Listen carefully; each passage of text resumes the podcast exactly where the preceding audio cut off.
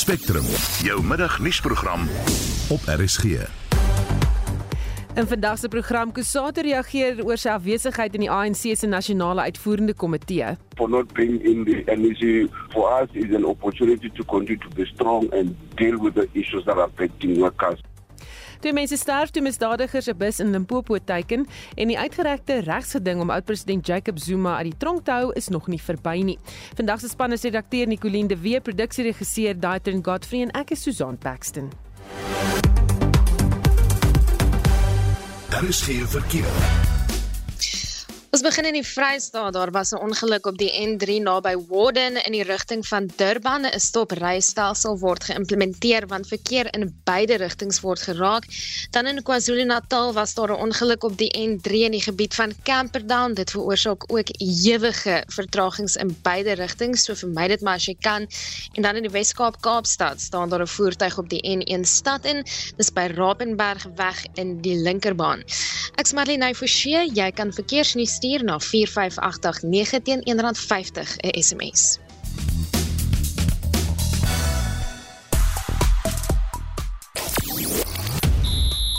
Die cricketspan van die Wes-Indiese eilande sal volgende jaar in Suid-Afrika aankom met 'n nuwe tussentydse afrigter na die bedanking van Phil Simmons. Charlton Athletics se oorwinning oor Brighton die skok van gisteraand se Engelse Liga beker uitslaa en die DStv Premierliga hervat net voor die nuwe jaar met Orlando Pirates teen Sundowns. Vandag is daar nuus dat die Buccaneers Kameroen se speler van die jaar aangewin het. 'n Volledige bulletin volg net na 12:30. Die FIFA Wêreldbeker toernooi is skaars op sy rug en Twitter gebruikers gons oor klipsokker, veral Marcus Rashford van Manchester United se doel nou die dag wat die span na deurdring na die kwart eindstryd van die Liga beker. Die gonswoord Emily trek ook heelwat aandag. Dit verwys na die Netflix reeks Emily in Paris waarvan die derde seisoen nou beskikbaar is en heel bo aan die lys van gewilde onderwerpe met 2,4 miljoen tweets op die oomblik is die woord Christmas. Nou ja, ons wil ook oor uh, Kersfees gesels, maar ons gaan nie, ons gaan oor iets anders gesels vandag in die kusdorp Plymouth in die Amerikaanse deelstaat Massachusetts. Vier hulle vandag voor Vaderdag. Dis eintlik 'n herdenking van die begin van die koloniale periode in Noord-Amerika. Dit laat 'n mens egter wonder oor sake so stambome en herkomste in Suid-Afrika, want tot 'n groot mate kom almal maar van iewers af. Ons praat bietjie later met die hoof van Wits Universiteit se Origin Center, of dit lyk vir my dit is 'n uh, bietjie later of vroeër gedoen vanoggend dink ek in Monitor as ek dit nie mis het nie. Maar uh, wat dink jy oor al hierdie interessante dinge oor eh, genealogie, DNS toetse en stambome. Laat weet bietjie vir ons, deel jou mening deur SMS te stuur na 45889 teen R1.50 of praat saam op Monitor en Spectrum se Facebook bladsy oor jou herkoms en genealogie en DNS toetse of dalk stambome. Weet die Paxton stamboom is ook 'n baie interessante een. Paar broers wat daar van Skotland afgekom het en een van hulle het Afrikaans gedraai. Jy luister na Spectrum. Elke weekmiddag tussen 12 en 1. Dit is nou 8 minute oor 12. Die uitgerekte regse ding om te verhoed dat oud-president Jacob Zuma moet terugkeer tronk toe is nog nie verby nie. Die Appelhof in Bloemfontein het die Hooggeregshof uitspraak wat Zuma se vrylating op mediese parol ongrondwettig verklaar het, bekragtig.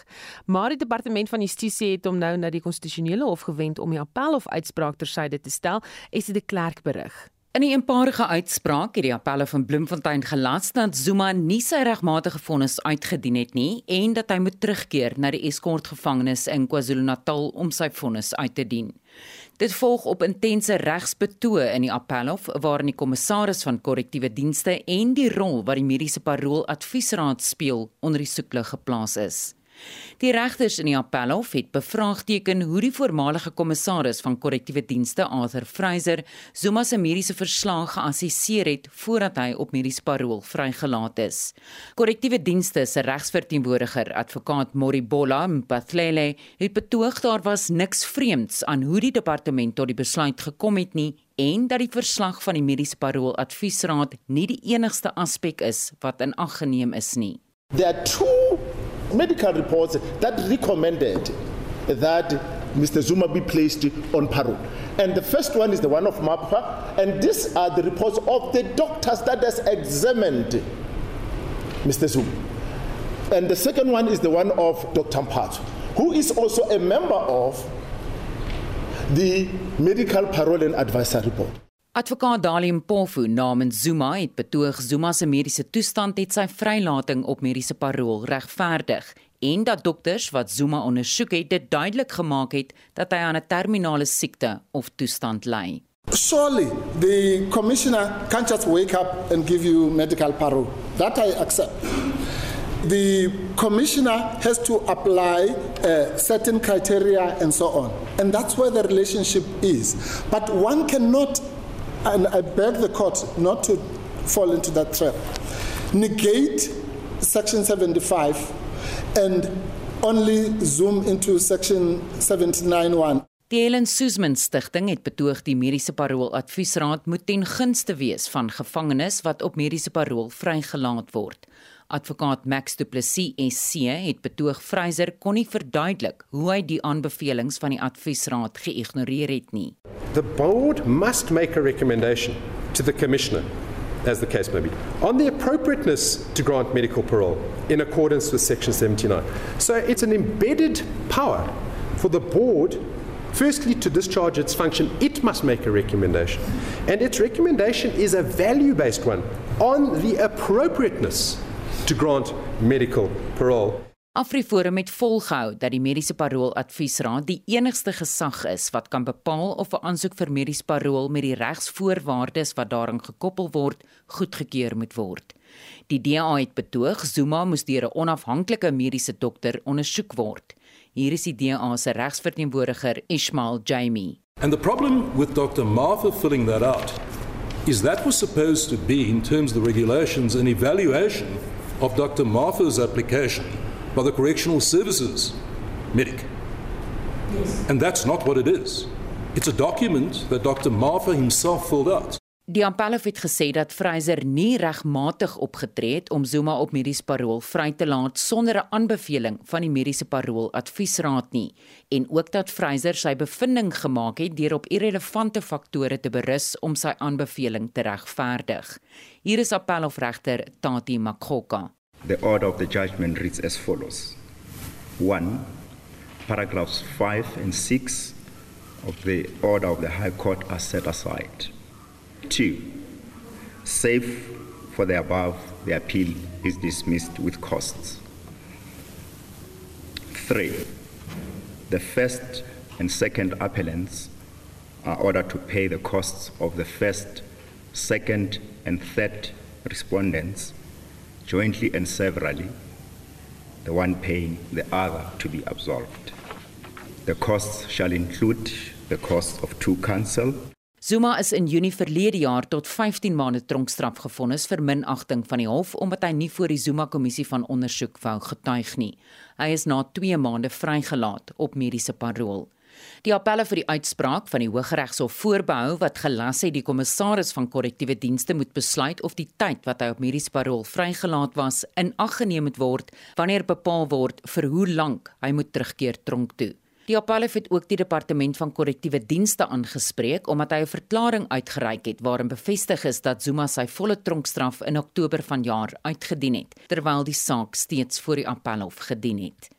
Die verslag is saamgestel deur Cornelio Lecafola in Bloemfontein. Ek is Estie de Klerk vir SAK nuus. Intussen sê die Zuma stigting hy gaan voort met die privaat vervolging van president Cyril Ramaphosa. Oud-president Jacob Zuma beskuldig Ramaphosa daarvan dat hy die staatsanklaer Billy Downer gehelp het om die nasionale vervolgingswet te oortree. Die nasionale vervolgingsgesag het intussen gesê die nulli prosecutie sertifikaat wat 'n voorvereiste is vir 'n privaat vervolging wat uitgereik is, nie president Cyril Ramaphosa insluit nie en dus ongeldig is.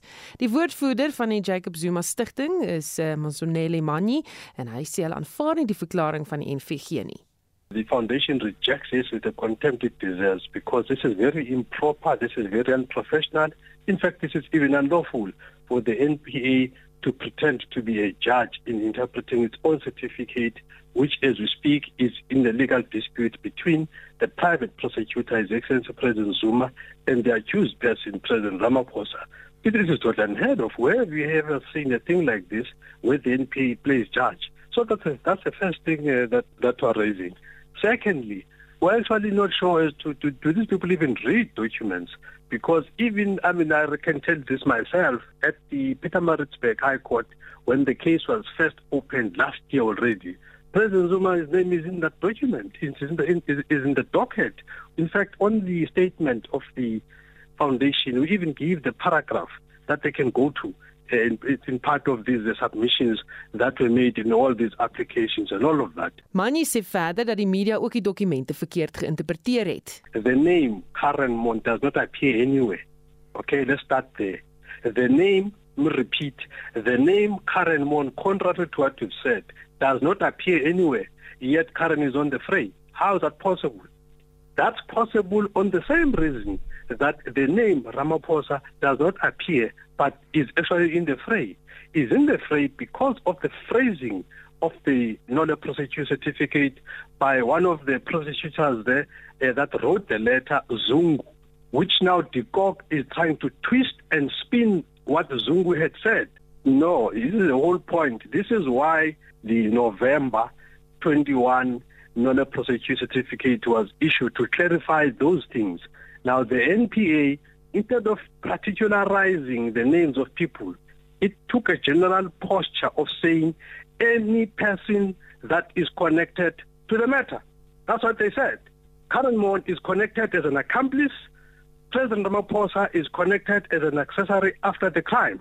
What is complicated about this? In fact, we are saying the NPA must come out loud and clear. If they want to, to stop these proceedings, uh, they can stop these proceedings by, uh, I mean, Section 13 of the Criminal Procedure Act allows the NPA to apply for a motion in the court, on, on, in the court where the matter is pending.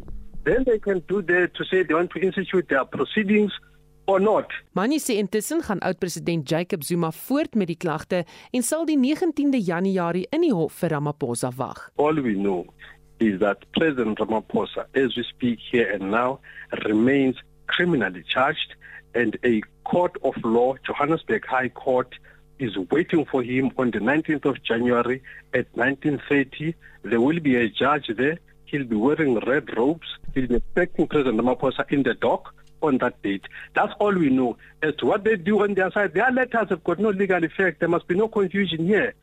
En dit was die woordvoerder van die Jacob Zuma Stichting, Mzwanele Manyi. Kusatu wat deel is van die regerende party se drie-party alliansie sê hy verwag baie beter samewerking van die nuutverkose ANC leierskap. Kusatu sê die belangrikste vir hom is dat die nuwe regering in die nuwe jaar 'n gemeenskapsgeoriënteerde begroting voorlê. Die adjunksekretaris-generaal van Kusatu, Solly Petwe sê hooplik sal die ANC die vennote van die alliansie ook weer waardeer. I think we've explained this better what we mean by the reconfigured alliance. For, um, from our side, even in the submission we've made in the in our paper, we said we need a reconfigured alliance program that will take issues of workers, issues of communities, take the country important. And there are issues like the inequalities, the unemployment rate, the challenges of cost of living and all those issues.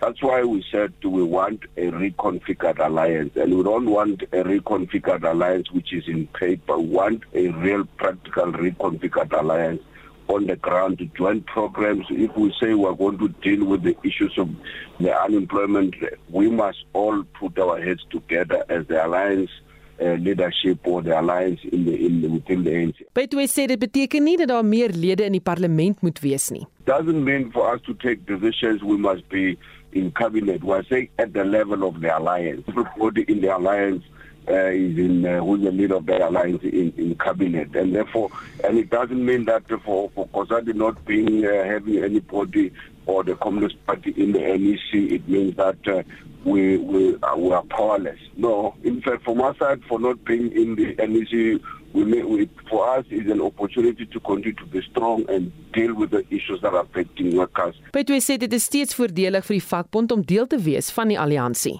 Rejecting, uh, I don't know anything of the workers rejecting the administration, but we know that workers refused the ANC president refused the chairperson of the ANC to address their their, their activities, in particular the May Day and the Congress. And that was It was not a message of saying breaking the breaking their alliance. At no stage COSATU Congress or COSATU members have said we must break the alliance. But they were sending a message of agreements which we agree. We agree that workers had an opportunity of the way they wanted to raise their issue and they've raised those issues and we think that in the political report of the president and the original report presented by the, the former deputy president, the ANC national executive collectively with the official accepted that these impulses that are there with the workers and the government which is an employer of the public service must be addressed. Petwe sê hulle gaan ook nie rus voordat staatsdienswerkers behoorlike verhogings kry nie. This has been a, an issue that we've been raising time and again. Like I said, in the report, they accepted that this impulse must be resolved. And we hope that they are meaning it.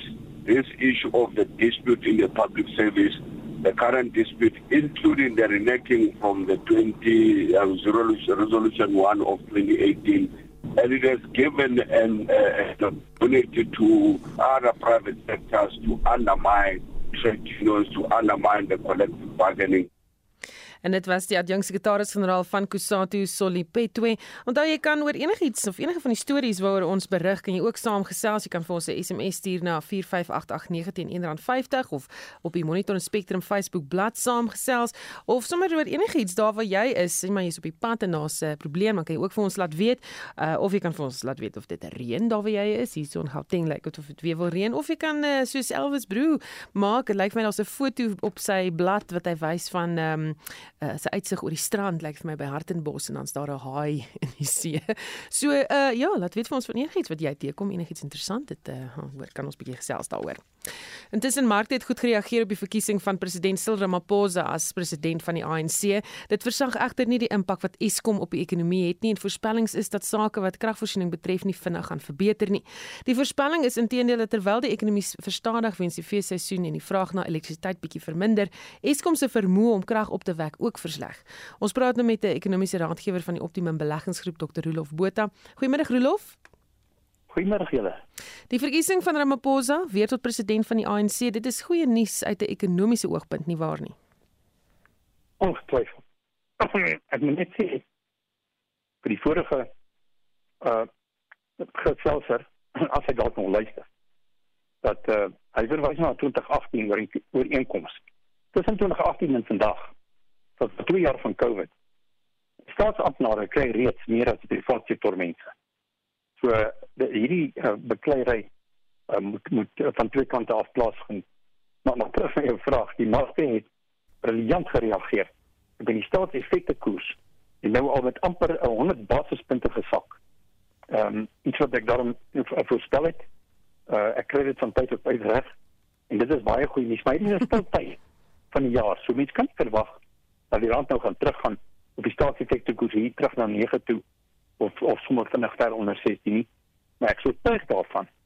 Soos wat Maposa nou stadig maar seker beter vaardighede in die openbare sektor en die staatsdiens, die provinsies, die munisipaliteite ensovoorts inkry en dereguleer en soos kan dit 'n klein bietjie privatiseer. Sal ons ekonomie uit aard nie saak uit begin om weer stoom op te bou. Die groot groot uitdaging is om hierdie ongelooflik baie sonkrag, 9000 megawatt wat uh, nie alles nou al beskikbaar is nie, maar ons stel op soen toe in die volgende paar maande om te sorg dat dit in die netwerk inkom. Daarvoor moet geld uitgegee word en ons het geld. Dit is die goeie nuus. Die minister van Finansies het 'n paar maande gelede, twee maande gelede gesê hy gaan 80 miljard rand, 80 miljard rand meer kry as waarvoor hy begroot het. Hy ek hoop hy weet wat om daarmee te doen. Ons het krag nodig. Vinnig. Hmm. Maar dink jy dat eh, die regerende party wel Eskom sal privatiseer en of iets sal doen om die situasie te beredder? Hulle sal dit nie noodwendig privatisering noem nie en dit sal nie 'n uh, 100% privatiseringsmodel wees nie. Want 'n natuurlike monopolie soos Eskom ehm um, is eintlik nie van stel om geprivatiseer te word nie. Dit gaan hierso uitsluitlik oor beter vaardighede en uh, en die on, vinnige ontslag uh van die mense wat gesaboteer het en wat gesteel het en wat geweier het om onderhoud, noodsaaklike onderhoud aan ons kragstasies te doen. Daardie mense moet so vinnig as moontlik verhoor word en hulle moet lank in die chokkie bly. Hmm. Intussen wat moet gedoen word om die situasie te red want jy weet daar is nie krag nie so besighede ly daaronder. My voorstel aan die regering is baie eenvoudig. Daar is kenners op die gebied van die vinnige inskakeling van 'n groot sonkrag of dit nou 'n besigheid of fabriek of 'n myn is of selfs individuele huishoudings by 'n land uh, se kragnetwerk. Ons moet baie mense gaan soek oor see. En hulle moet nou en laat hulle ons help met daai vaardighede. Ons kortvaardighede, ons het gesien wat er gemors. Het ons aangevang met die Medupi en die Kusile kragstasies. Terwyl die mense van Kusatu gesê het, nee, ons het nie die Japaneese suisers nodig nie. Ons kan dit doen. Hulle het nie idee gehad wat hulle doen. Ons het buitelandse vaardighede nodig om ons te help. Sonder energie kan 'n ekonomie behoorlik groei en dit moet onmiddellik aangespreek word. Baie dankie, dit was 'n ekonomiese raadgewer van die Optimum Beleggingsgroep. 'n Nuwe verslag deur die Departement van Maatskaplike Ontwikkeling sê die COVID-19 toelaag vir maatskaplike noodverligting moet permanent aanvaar word. Kritisie waarsku egter dat die belastingbasis dit nie kan ondersteun nie. Boonop sal belastingverhogings om die toelaag te finansier Suid-Afrikaners aanmoedig om te emigreer, wins hom of King het meer. Die verslag van die deskundige paneel oor die basiese inkomste steen is Dinsdag in Kempton Park, Gauteng bekend gestel en het verskillende modelle gebruik om die ekonomiese, fiskale en maatskaplike impak van 'n permanente maatskaplike toelaag te oorweeg. Professor Alex van den Heever, die voorsitter van die paneel wat die uitvoerbaarheid van basiese inkomste steen ondersoek, sê in die verslag word daar voorgestel dat die regering die stabilisering van die toelaag moet prioritiseer terwyl hulle op aanpassings fokus om tred te hou met inflasie. And it was to look at the economic, fiscal and social implications of the grant so it would be able to evaluate all three. And uh, the assumptions that were used for the evaluation were that it would be financed on a what's called a sort of balanced budget basis. In other words, it would be fully financed by taxes.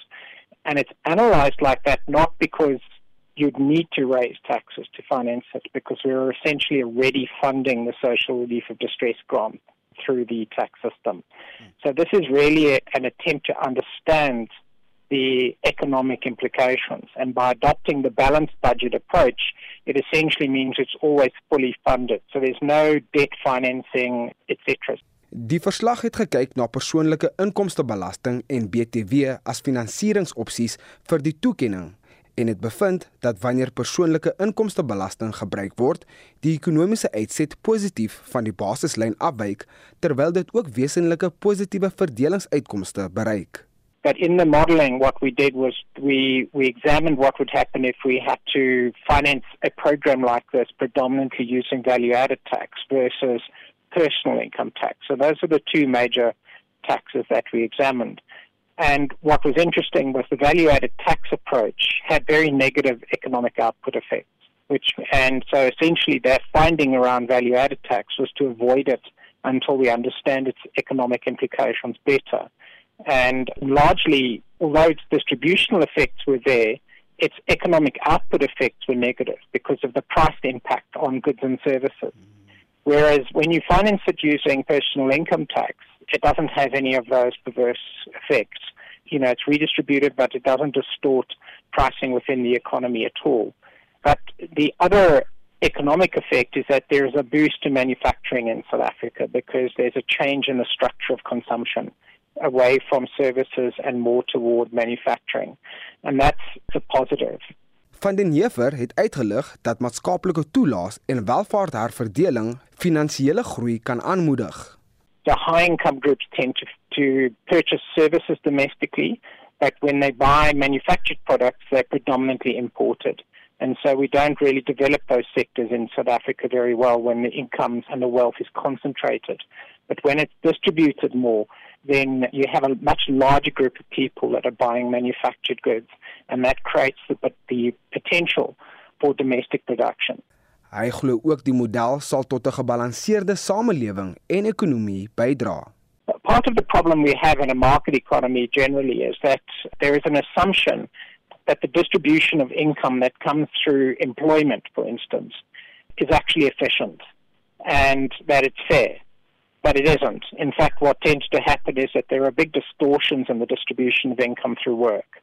Not everybody gets remunerated according to their contribution. Some get massively over remunerated and some are under remunerated. And then the consumption side of the economy tends to create impacts on what happens. You know, your industrial development is impacted by who has all the money, basically. Dit was professor Alex van den Heever, die voorsitter van die paneel wat die uitvoerbaarheid van basiese inkomste toelaag ondersoek en ook verbonde aan Wits Universiteit. Ek is Vincent Mufokeng vir SAI Garnis. Spectrum, jou middagnuusprogram op RSG. Die Zuma Stichting gaan voort met die privaat vervolging van president Cyril Ramaphosa en 'n bietjie later in die program berig ons oor Amerika wat hom daartoe verbind om minstens 50 miljard Amerikaanse dollar vir die Oekraïense verdedigingsstryd te skenk. En 'n verkeersowerhede gaan vir ons ook die jongste inligting oor die verhoogde druk op die land se paaie gee, so bly ingeskakel. Daar is geen verkeer. In die Vrystaat was daar 'n ongeluk op die N3 naby Warden, dis nou in die rigting van Durban. Lyk my die stop en ry stelsel van vroeër is nie meer ter sprake nie, maar jy kan steeds stadige verkeer verwag as jy daar is en dan in KwaZulu-Natal was daar 'n ongeluk op die N3, dis aan die gebied van Camperdown en veroorsaak steeds ewige verkeersvertragings in beide rigtings. Van ons kant af is dit jou verkeersnuus hier op Spectrum.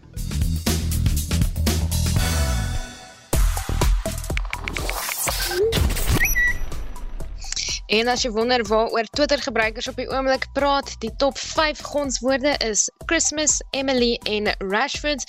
Dis maar van die gonswoorde daar, lyk like my vermaak en sport is op almal se lippe. Goed, en ons praat oor stambome en waar jy vandaan kom en genealogie. Iemand wat sê nee, wat dis 'n klomp nonsens regtig, daar's altyd politiek betrokke is ander wat so sê. En dan sê Elise daar van Kroonstad af, sy ervaar of hulle ervaar elke 2 ure beerdkrag. Dis uiters frustrerend sê sy, ek kan net dink. En dan Samuel wat sê die voelvlei dam buite Gouda se watervlak sak baie vinnig en dan gee hulle vir Kaapstad en die Weskus water klink vir my is effens bekommerd daarop. Of oor jy kan saamgesels 45889 SMS kos R1.50 of gaan kyk op die Monitor en Spectrum Facebook bladsy. Jy kan dalk saamgesels oor die verskillende temas. En vir die jongste sportnuus praat ons nou met Udo Karelse. Udo, ons begin met cricketnuus. Ja, Susan, ons maak so want dis vandag bekend gemaak dat die Wes-Indiese eilande aanstaande jaar hier in Suid-Afrika sal aankom met 'n splinter nuwe tussentydse afrigter, Andrew Cowley. Hy is aangewys vir hul toer na Suider-Afrika na die bedanking van Phil Simmons wat seker die trekpas sou gekry het na die uh, span se skokvertoning by die T20 Wêreldbeker. Cowley is die voormalige onder 19 breier vir die Wes-Indiese eilande. Hy sal dus die span begelei in twee toetse teen Zimbabwe einde Februarie volgende jaar, gevolg deur 'n volledige toer teen die Proteas manspan wat twee toetse, 3 eendag en 3 T20 wedstryde sal behels. In cricket wat tans aan die gang is, is Bangladesh vir 'n skamele 227 almal uit op die eerste dag van die tweede toets. Dis nou teen uh, Indië in Mirpur. Uh Mominul Haq, die enigste besoeker wat met die kolf uitgeblink het met 'n telling van 84 van uh, 251 balle. Uh die Pakies is gelaat kantel deur Umesh Yadav met 4, Ravichandran Ashwin met 4 en India tans 17 sonder verlies met sowat 6 balbeurte wat oorbly op dag 1. Net so vinnig 'n bietjie rugby nuus. Die Stormers het ook hulle span aangekondig vir môre se kragmeting in die VRK teen die Bulls. Uh, Dan Du Plessis, Suleiman Hartzenberg en uh, Ben Jason Dixon. Hulle is almal terug in die 15-tal. Du Plessis en Hartzenberg uh, draf op onderskeidelik 12 en 13 uit as die nuwe senter vir noodskap met verlede week se binnesenter Damian Willemse wat heel agter toeskuif. Clayton Blommetjies huis terug na die reservebank en Dixon dan die plaasvervanger vir die beseerde Salman Murat op slot. Dan verskuif ons die fokus na sokker waar Manchester United danksy Marcus of Marcus Rashford deur is na die kwartfinale van die Liga beker. Ja, dis korrek. Rashford het die span se tweede en beslissende doel aangeteken teen Burnley na Christian Eriksen die span laat voorloop het na slegs 27 minute. Burnley verloor toe 2-0 op die aand. Die groot skok was Charlton Athletic wat in die derde beste liga in Engeland speel danksy uh strafdoele geseëvier het oor die Premier Liga span Brighton. Nottingham Forest is ook deur na die kwart eindstryd danksy 'n 4-1 oorwinning dis nou oor Blackburn Rovers. Ons kan vanaand uitsien na Man City teen Liverpool in die Liga beker. Die wedstryd begin 10 uur albei spanne is nou, hulle hulle is verpletter deur beserings en natuurlik die stadige terugkeer van spelers wat by die Wêreldbeker in Qatar aan diens was. En in sokker op eie bodem plaaslike sokkerliefhebbers moet tot 30 Desember wag vir die terugkeer van die DStv Premierliga, maar daar is vanoggend reeds groot nuus wat Orlando Pirates betref. Ja, Saibu Maru, hy is Kameroense speler van die jaar. Nou, hy het 'n Facebook Facebook rekening of liewer 'n Facebook rekening wat homself voordoen as uh, die van Maru het gister bevestig dat hy 'n kontrak gesluit het om by Orlando Pirates aan te sluit. Die uitlating is toe later in die dag van die rekening afgewis. Sy klub Cotton Sport het ook besonderhede van die ooreenkoms bekend gemaak op hulle sosiale media uh uh, uh kanale net voor die Wêreldbeker in Qatar. Hulle het ook selfs die finansiële besonderhede bekend gemaak wat Orlando Pirates blykbaar bietjie ontstel het, maar ek sien uh, beriggewing wyd en suid vandag dat uh, die aanwins wel gefinaliseer is. So hopelik het Orlando Pirates nou daai bietjie hupstoot uh, op op, op van 'n aanvallende speler wat hulle te bitter graag nodig het want Orlando Pirates se tans op 5de op die Premier Liga punte leer. Hulle kom natuurlik teen 'n Sundowns te staan wat heel bo aan die punte leer staan. Dis nou die 30ste 30ste September uh, wanneer die DStv Premier Liga soos jy nou gesê het uiteindelik weer hervat na die Wêreldbeker waar daar nie een van die liga se spelers betrokke was nie. Hm. Baie dankie, dit was kollega Oudo Karelse met die jongste sportnuus. Jy luister na Spectrum. Elke week saterdag tussen 12 en 1. Dis byna 19 minute voor 1. Amerika verbind hom tot minstens 50 miljard Amerikaanse dollar vir die Oekraïense verdedigingsstryd. Dit is in die omgewing van 855 miljard rand. Tydens president Volodymyr Zelensky se besoek aan die land het die VSA se Joe Biden reeds sowat 2 miljard dollar beskikbaar gestel en 'n verdere 45 miljard is na verwagting op pad. Maar hoekom is Amerika so betrokke by die oorlog? Marlene Forsie het die bydrae saamgestel. Madam Speaker, the President of Ukraine. Vir etlike minute kon Zelensky nie praat oor die daverende applous nie en toe dit bedaar die volgende woorde. Thank you. It's too much for me. All this for our great people. Thank you so much. Sy toespraak is telkens ontwrig deur toejuigings veral na die boodskap aan Russe, Oekraïners en die res van die wêreld. Europe is now stronger and more independent than ever. The Russian tyranny has lost control over us. It will never influence our minds again. The Russians will stand a chance to be free only when they defeat the Kremlin in their minds.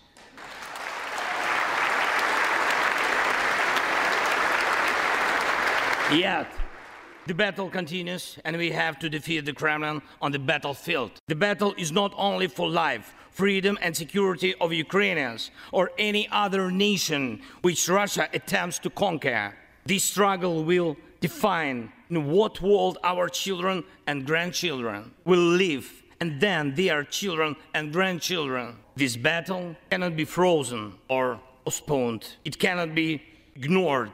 Maar te midde van sy oorweldigende ontvangs begin Amerikaners plek plek vra hoekom hulle so baie geld aan die oorlog bykans 8000 km van die huis af moet bestee. Dis hoekom die toespraak so belangrik is. Mike Pfeiffer is 'n voormalige ambassadeur verbonde aan die Stanford Universiteit se Sentrum vir Internasionale Veiligheid en Samewerking. For most Republicans, they see that there's an American interest in seeing that Ukraine prevails and is able to defeat Russia in this war. But you have a small minority, but that includes people like the person who may be the next Speaker of the House, who begun to question that. Part of this was to address and remind both Congress and the American people that there is very much an American interest in this. It's not just about Ukraine. Hy meen Putin moet nou op twee oorlogsfronte voer. On the one hand, it's the Russian military fighting against the Ukrainian military, and they've been losing for the last three months. But the second front is trying to undermine Western support for Ukraine, to encourage the West to reduce or cut off the flow of arms. Intussen is dit hoe dit in Rusland klink. Meanwhile, Russia's state media jeered and sneered at President Zelensky for flying to Washington, claiming he was prostrating himself before America and begging for money. Andrei Kolesnikov van die Carnegie Endowment for International Peace in Washington sê Putin het 'n derde uitdaging. Zelensky se beeld as karismatiese, dapper en uiters bekwame leier. Hy sê as die Russe dit begin glo, is Putin in die moeilikheid. Zelensky is a modern person, very eloquent, very smart. Zelensky is an example of uh, the politician for the future. Putin will stay in a history as a person from the dark past. Putin bly egter onverskrokke. Op dieselfde tyd as Zelensky se toespraak in die Kongres, het hy lede van die weermag vereer en beloof om alles in die stryd te werp vir Rusland. Хорошо известно, что сегодня против России Almost all the main NATO countries are employing their military capabilities against Russia. But our soldiers, sergeants, and officers are fighting courageously. Confidently, step by step, they are tackling the goals they've been set, and these goals will be achieved. Nou ja, dit is 'n verslag wat deur Marlenae Forsie saamgestel is. Ons praat nou verder met professor Abel Estreise van die fakulteit Krygskunde aan die Universiteit van Stellenbosch. Goeiemôre Abel. Goeiemôre. Wat het vir jou uitgestaan uit sy toespraak? Ja, daar's 'n paar belangrike dinge wat ek dink 'n mens moet hier uh, verstaan. Die eerste dat daar natuurlik geweldige waardering is uh, en en hy groot waardering uitgespreek vir die Amerikaanse steun aan die Oekraïne. Ehm um, dan is dit was dit vir my interessant om te sien dat hy die uh, oorlog tussen Rusland en die Oekraïne uh, tipe van projekteer as 'n groter konflik in die wêreld, 'n konflik tussen demokrasie en autokrasie en hy dink ek wil die die oorlog verkoop as iets wat baie groter is as die Oekraïne om die westerse wêreld veral betrokke te hou. Ehm um, ook belangrik dat hy die klem geplaas het op die feit dat dit nie nou die tyd is om met uh, Putin en met Rusland te onderhandel nie. Ehm um, dan natuurlik die die belangrike aspek was die voortgesette steun van die FSA en en die westerse wêreld uh vir die oorlog in die Oekraïne. Mense kon dit half uh verwag het en en hier moet 'n mens verstaan dat hy twee uh agendas dryf. Die een is natuurlik om die bipartisan uh, steun in in die FSA Kongres uh te verkry, maar ook om die die Putin uh die die Biden administrasie uh se steun te kry. So ja, belangrike uh, besoek, baie simboliese besoek. Uh my baie interessant om die lyfstaal dop te hou van die uh, president en uh, Zelensky uh, president wat sy arm om Zelensky sit amper op 'n vaderlike manier baie interessante besoek. Hmm. Nou uitgenoem dat die land sy eerste oorwinning met Amerika wil deel en hierdie oorwinning waarna hy verwys is dat hulle mense se gedagtes en denke oor die oorlog gewen het. Hoe belangrik is hierdie uh, dit wat hy daar gesê het? Wel, 'n mens moet verstaan dat Zelensky Zelensky kom uit die ehm um, uit die uit die uh, openbare omgewing uit. Uh, hy was weliswaar in die besigheid van van openbare bemarking. Uh en hy het van die begin af 'n uh, baie baie belangrike rol gespeel in hoe die oorlog aan die res van die wêreld verkoop is en uh hier is sy beeld as jong dinamiese sterk leier uh baie baie belangrik en hy slaag uitstekend daarin om daardie beeld uh aan die wêreld voor te hou uh in teenstelling met Putin wat in die geskiedenis leef uh Putin wat deur die geskiedenis veroordeel gaan word. So die kontras tussen die twee leiers is nogal 'n uitstaande uh, kenmerk as die gemaklikheid waarmee Zelensky met ehm uh, met uh, die die uh, internasionale verhoog deel met 'n verskeidenheid van mense van van uh die die die sport ehm um, die filmindustrie, die politici, uh die hele hele spektrum van van mense wat hy baie gemaklik mee is om om skouers mee te skuur. Hoekom is dit vir hom so belangrik dat mense nie van die oorlog vergeet nie? Ja, dis dink ek die uitdaging op die oomblik uh die die oorlog uh is nou uh in sy 10de maand Ehm um, en ons weet dat die wêreld se aandag maar baie vinnig uh, vervaag wat hierdie groot krisisse aanbetref en dis belangrik vir hom om internasionale steun vir Amerika vir al die Amerikaners en en die Europese steun te behou uh, want sy voortsetting van die oorlog uh, is tot 'n groot mate toe gebou op die steun van die Amerikaners en en NAVO. So mense sal verstaan dat hy dit in die in die openbare oog wil hou, in die media oog wil hou, uh, dat hy nie die oorlog wil rangeer tot 'n oorlog wat nou in die agtergrond afspeel en wat mense eintlik al van vergeet nie. Hmm. Gou nou nuus hier op eie bodem die soldate wat ontplooi word by Eskom, jou gedagtes daaroor?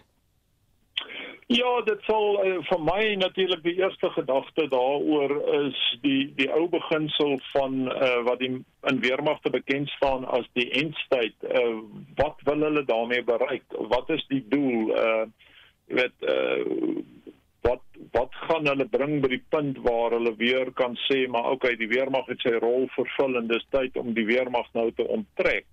Ehm um, en en so daar's maar groot vrae in my gemoed rondom wat dit is presies wat hulle wil hê die weermag moet doen.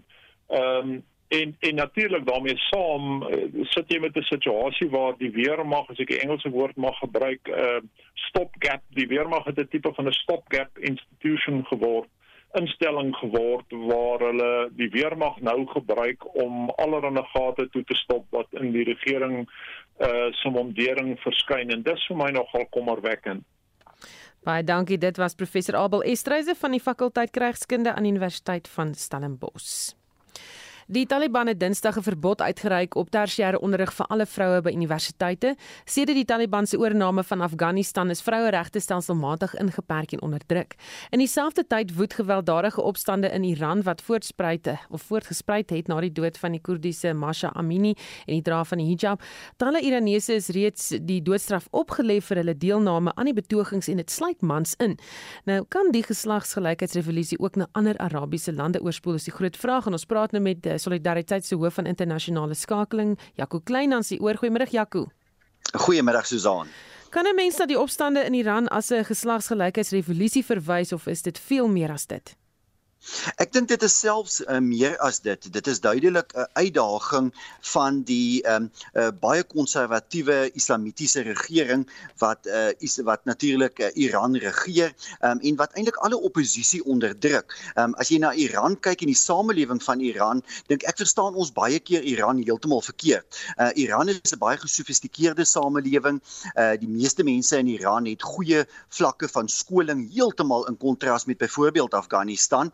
So in in in Iran sien jy byvoorbeeld dat mense redelik oor die vermoë beskik om vir hulle self te dink um, en dat dit in botsing kom met die met die baie streng konservatiewe uh, islamitiese regering daar. Um, en uh, dit is dus verstommend as jy kyk wat sedert 16 September gebeur het, die mate waartoe die gesag van die regering um, uitgedaag is reg deur Iran. Mense wat regtig oor verskillende uh, vlakke van die samelewing heen aan hierdie opstande deelgeneem het, geweldige groot risiko risiko's aangegaan het om aan die opstande deel te neem. En ek dink dit is eintlik die grootste um, uitdaging vir die vir die regering in Iran sedert die Islamitiese revolusie in 1979. Die betogers is baie duidelik. Hulle wil uh, 'n uh, totale uh, regeringsverandering in Iran sien en hulle sê hulle gaan nie ophou voordat hulle daarin slaag nie. Hmm.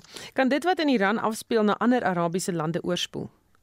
Dit kan sekerlik um, na ander Arabiese uh, lande oorspoel. Jy het nou verwys in jou inleiding na Afghanistan en wat daar gebeur het. Natuurlik um, uh, is is dit is dit uh, redelik die uiterste scenario uh, tans in in die Midde-Ooste en in islamitiese lande wat ons in Afghanistan sien. Uh, Sedert diene die Taliban aangekondig ook dat meisies nie eens op laerskool meer mag skool toe gaan nie. So uh, alle onderrig vir meisies is die afgelope 2 dae in Afghanistan uh, volledig verbied. Dit sal basies beteken dat hulle grootendeels ongeletterd sal groot groot word. Ehm um, so jy sien hier 'n 'n absolute uiterste scenario wat natuurlik ook tot interne spanning kan lei. Ons sien reeds vandag uh, daar was vanoggend berigte oor interne spanning binne die Taliban, ehm um, ook ehm um, uh, etniese minderheidsgroepe in Afghanistan wat dit wil uitdaag. Ek dink wat ons in die Midde-Ooste beleef en veral in die meer onderdrukkende samelewings in die Midde-Ooste uh, is dat ehm um, hierdie hierdie kwessie oor vroueregte ehm um, definitief oor die volgende maande en jare uh, gaan lei tot groter opstande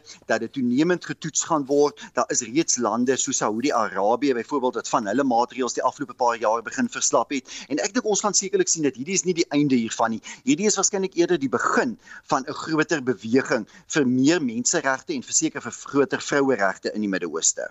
Baie dankie, dit was Jaco Kleinhan, Solidariteits internasionale kommentator. Vandag se sake nuus word aangebied deur Chris Weemeyer, portefeuljebestuurder by PSG Wealth Pretoria Oos. Goeiemôre Chris. Goeiemôre Susan. Ehm uh, magte maar baie stil bitter met maatskappy nuus, maar ons algehele indeks vandag so 0,4% laag op 73555. Hulbron aandele wat onder druk is, Hulbron indeks 0,7% laag. Uh, Navrats indeks 0,2% laag en finansiëel verloor so 0,5%. En as mens net na die bewegings vandag by mark kyk, nie veel nie. Naspers wat goed vertoon 1,4% hoër uh, proses nog uh, net by 'n persent sterker en dan van swaargewig hulpbronne aan maatskappye. Anglo American tans onveranderd op 677 rand 81 Sasol verloor 0,1% en Polarplat 0,1% sterker. En uh, Richmond wat ook vandag 'n bietjie terugsak hy staan 0,2% laer op R220.63. So bitter bitter min uh, nuus in die markte op hierdie stadium. As mens net kyk uh, internasionaal in Europa, uh, die mark maar gemeng in Londen is die FTSE nou 0,5% sterker, Frankfurt die mark nou net 'n negatiewe terrein en in Parys die kerk nou nog uh, sy tans onveranderd ook. Ehm um, so nie veel wat aangaan in die mark internasionaal nie. Die rand het begin versterk teenoor die groot geld eenhede 'n uh, 'n dollar kos jy nou R17.9 uh euro kos jou R18.16 en 'n pond R20.63 goudprys uh, op 1814 dollar per ons platinum op 1002 dollar per ons en dan die Brent olieprys wat vandag 1,8% hoër verhandel op 83 dollar 58 per vat. Dis al van my kant af vandag Susan baie dankie. En dit was Chris Weeme, portefeuljebestuurder by PSG Wealth Pretoria Oos. Desember is in die middel van die Suid-Afrikaanse somer. In die binneland is dit reenseisoen en langs die Kaapse kus is dit meestal maar aan die droë kant. Suid-Afrikaners loop altyd op 'n sonnige somer Kersdag en ons praat nou hieroor met 'n weervoorspeller Quentin Jacobs. Goeiemôre Quentin. Goeiemôre. So, hoe lyk die provinsie se weerpatrone in aanloop tot Kersdag? Wel, daar's so 'n bietjie van 'n frontjie wat deurbeweeg Kersnaweek. So op Kersdag die langs die suidkus gaan dit 'n bietjie koelerig wees met 'n bietjie reën en baie. En dan vir die binneland en KwaZulu-Natal basies namiddag donderstorms en temperature warm tot baie warm en dan in plekke van die Noord-Kaap en die Laagveld kan dit tot bloedig warm wees. So dit lyk lyk na 'n lekker Kersdag met 'n bietjie 'n lafenis van namiddag donderstorms om hierdie dit is 'n bietjie te breek. Sê vir my, Suid-Afrika se weerpatrone die afgelope jaar, is dit soortgelyk aan ander jare of het dit bietjie anders gelyk? Dit is 'n bietjie was definitief 'n bietjie natter as normaalweg, maar anders is dit 'n uh, redelik normaal. So ons ons is nou die, aan die einde van die La Nina uh La Nina periode. Ons gaan nou na normaal periode toe. So dis die einde van ons nat seisoen. So die vo seisoene vorentoe gaan 'n bietjie droër wees as wat dit nou was. Baie dankie. Dit was Quentin Jacobs se voorspeller by die Suid-Afrikaanse Weerdiens. Vakansiegangers stroom tans na die land se kusgebiede betyds vir die Kersnaweek. Verkeersvolumes neem steeds toe en vir oorsig oor die situasie praat ons nou met uh, maar dis ons gaan eerder daar in die N3 gesels oor wat oor die paai aangaan. Tanya Dugra van die N3 Tol Konsessie. Good afternoon Tanya. Hi Susan, how are you? Uh dit gaan goed met my. Uh but how are traffic volumes on the N3 toll route? Traffic volumes on the N3 are extremely busy at the moment. We've recorded just uh just under 1,500 vehicles an hour in the last hour heading south Gaza. So very busy period traffic. Hmm. Um, any accidents, any problems?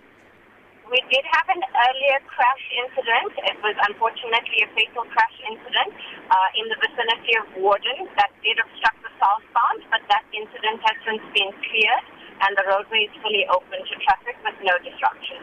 And tell me um, the causes of most of these accidents. Well, the statistics are showing that the majority of the crashes on the route are single vehicle incidents, with the bulk of them caused by heavy motor vehicles, as well as well, and about 79% by light motor vehicles.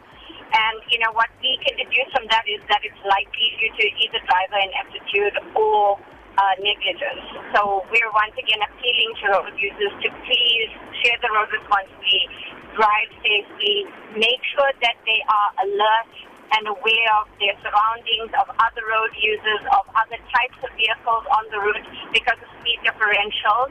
And obviously, one of the biggest things is making sure that they're checking their blind spots before they overtake you. Baie dankie. Dit was Tanya Dugra, die N3 tol konsessie se bedryfsbestuurder wat met ons gepraat het oor die verkeer op die N3, maar as jy op enige van die paaie in die land is, selfs die N1 daarna Kaapstad toe, ry asseblief versigtig. Klomp groot ongelukke gewees of botsings op daardie pad. So, hou dit maar gedagte, wees veilig en uh, rus gereeld en dan ry jy lekker verder. Onthou vorige uitsendings van al ons nuusaktualiteitsprogramme is as 'n potgooi op rsg.co.za beskikbaar en uh, ons groet namens ons uitvoerende regisseur Nicoline de Wet die redakteur uh, natuurlik ook Nicoline de Wee vandag sy gaan doen sommer al die werk lyk dit vir my. Ons produksieregisseur is Daitrin Godfrey en uh, my naam is Susan Paxton. Uh, dit is my laaste Spectrum program vir die jaar. Daar is nog een môre, maar ek gaan dan reeds daar na die kusgebied toe gaan. So baie dankie dat jy saam geluister het hierdie jaar. Mag jy geseënde feestyd hê saam met jou gesin en ons maak weer so volgende jaar.